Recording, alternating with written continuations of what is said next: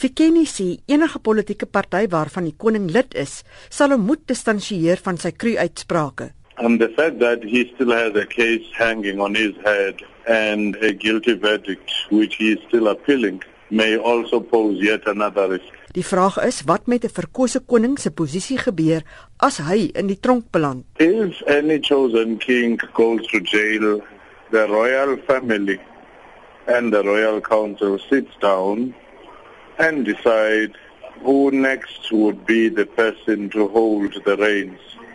This could be his firstborn son if the son is old enough to take that responsibility. It could be the wife who becomes a regent or it could be another member of the royal family. Fikeni sê ons is in 'n morele moeras as leiers se misdade begin vergelyk word. Well, I do think that even if there was merit in what was being said to some degree, we are on a slippery slope where a party would say this person yes has charges and is guilty but is less guilty than the other one.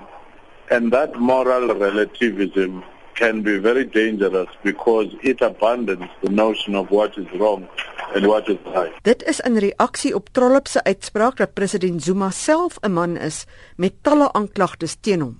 Dit is die tipe opmerking wat 'n oppositieparty sal maak in die aanloop tot 'n verkiesing, aldus die ontleder Somadoda Fekeni wat 'n gasprofessor by Unisa is.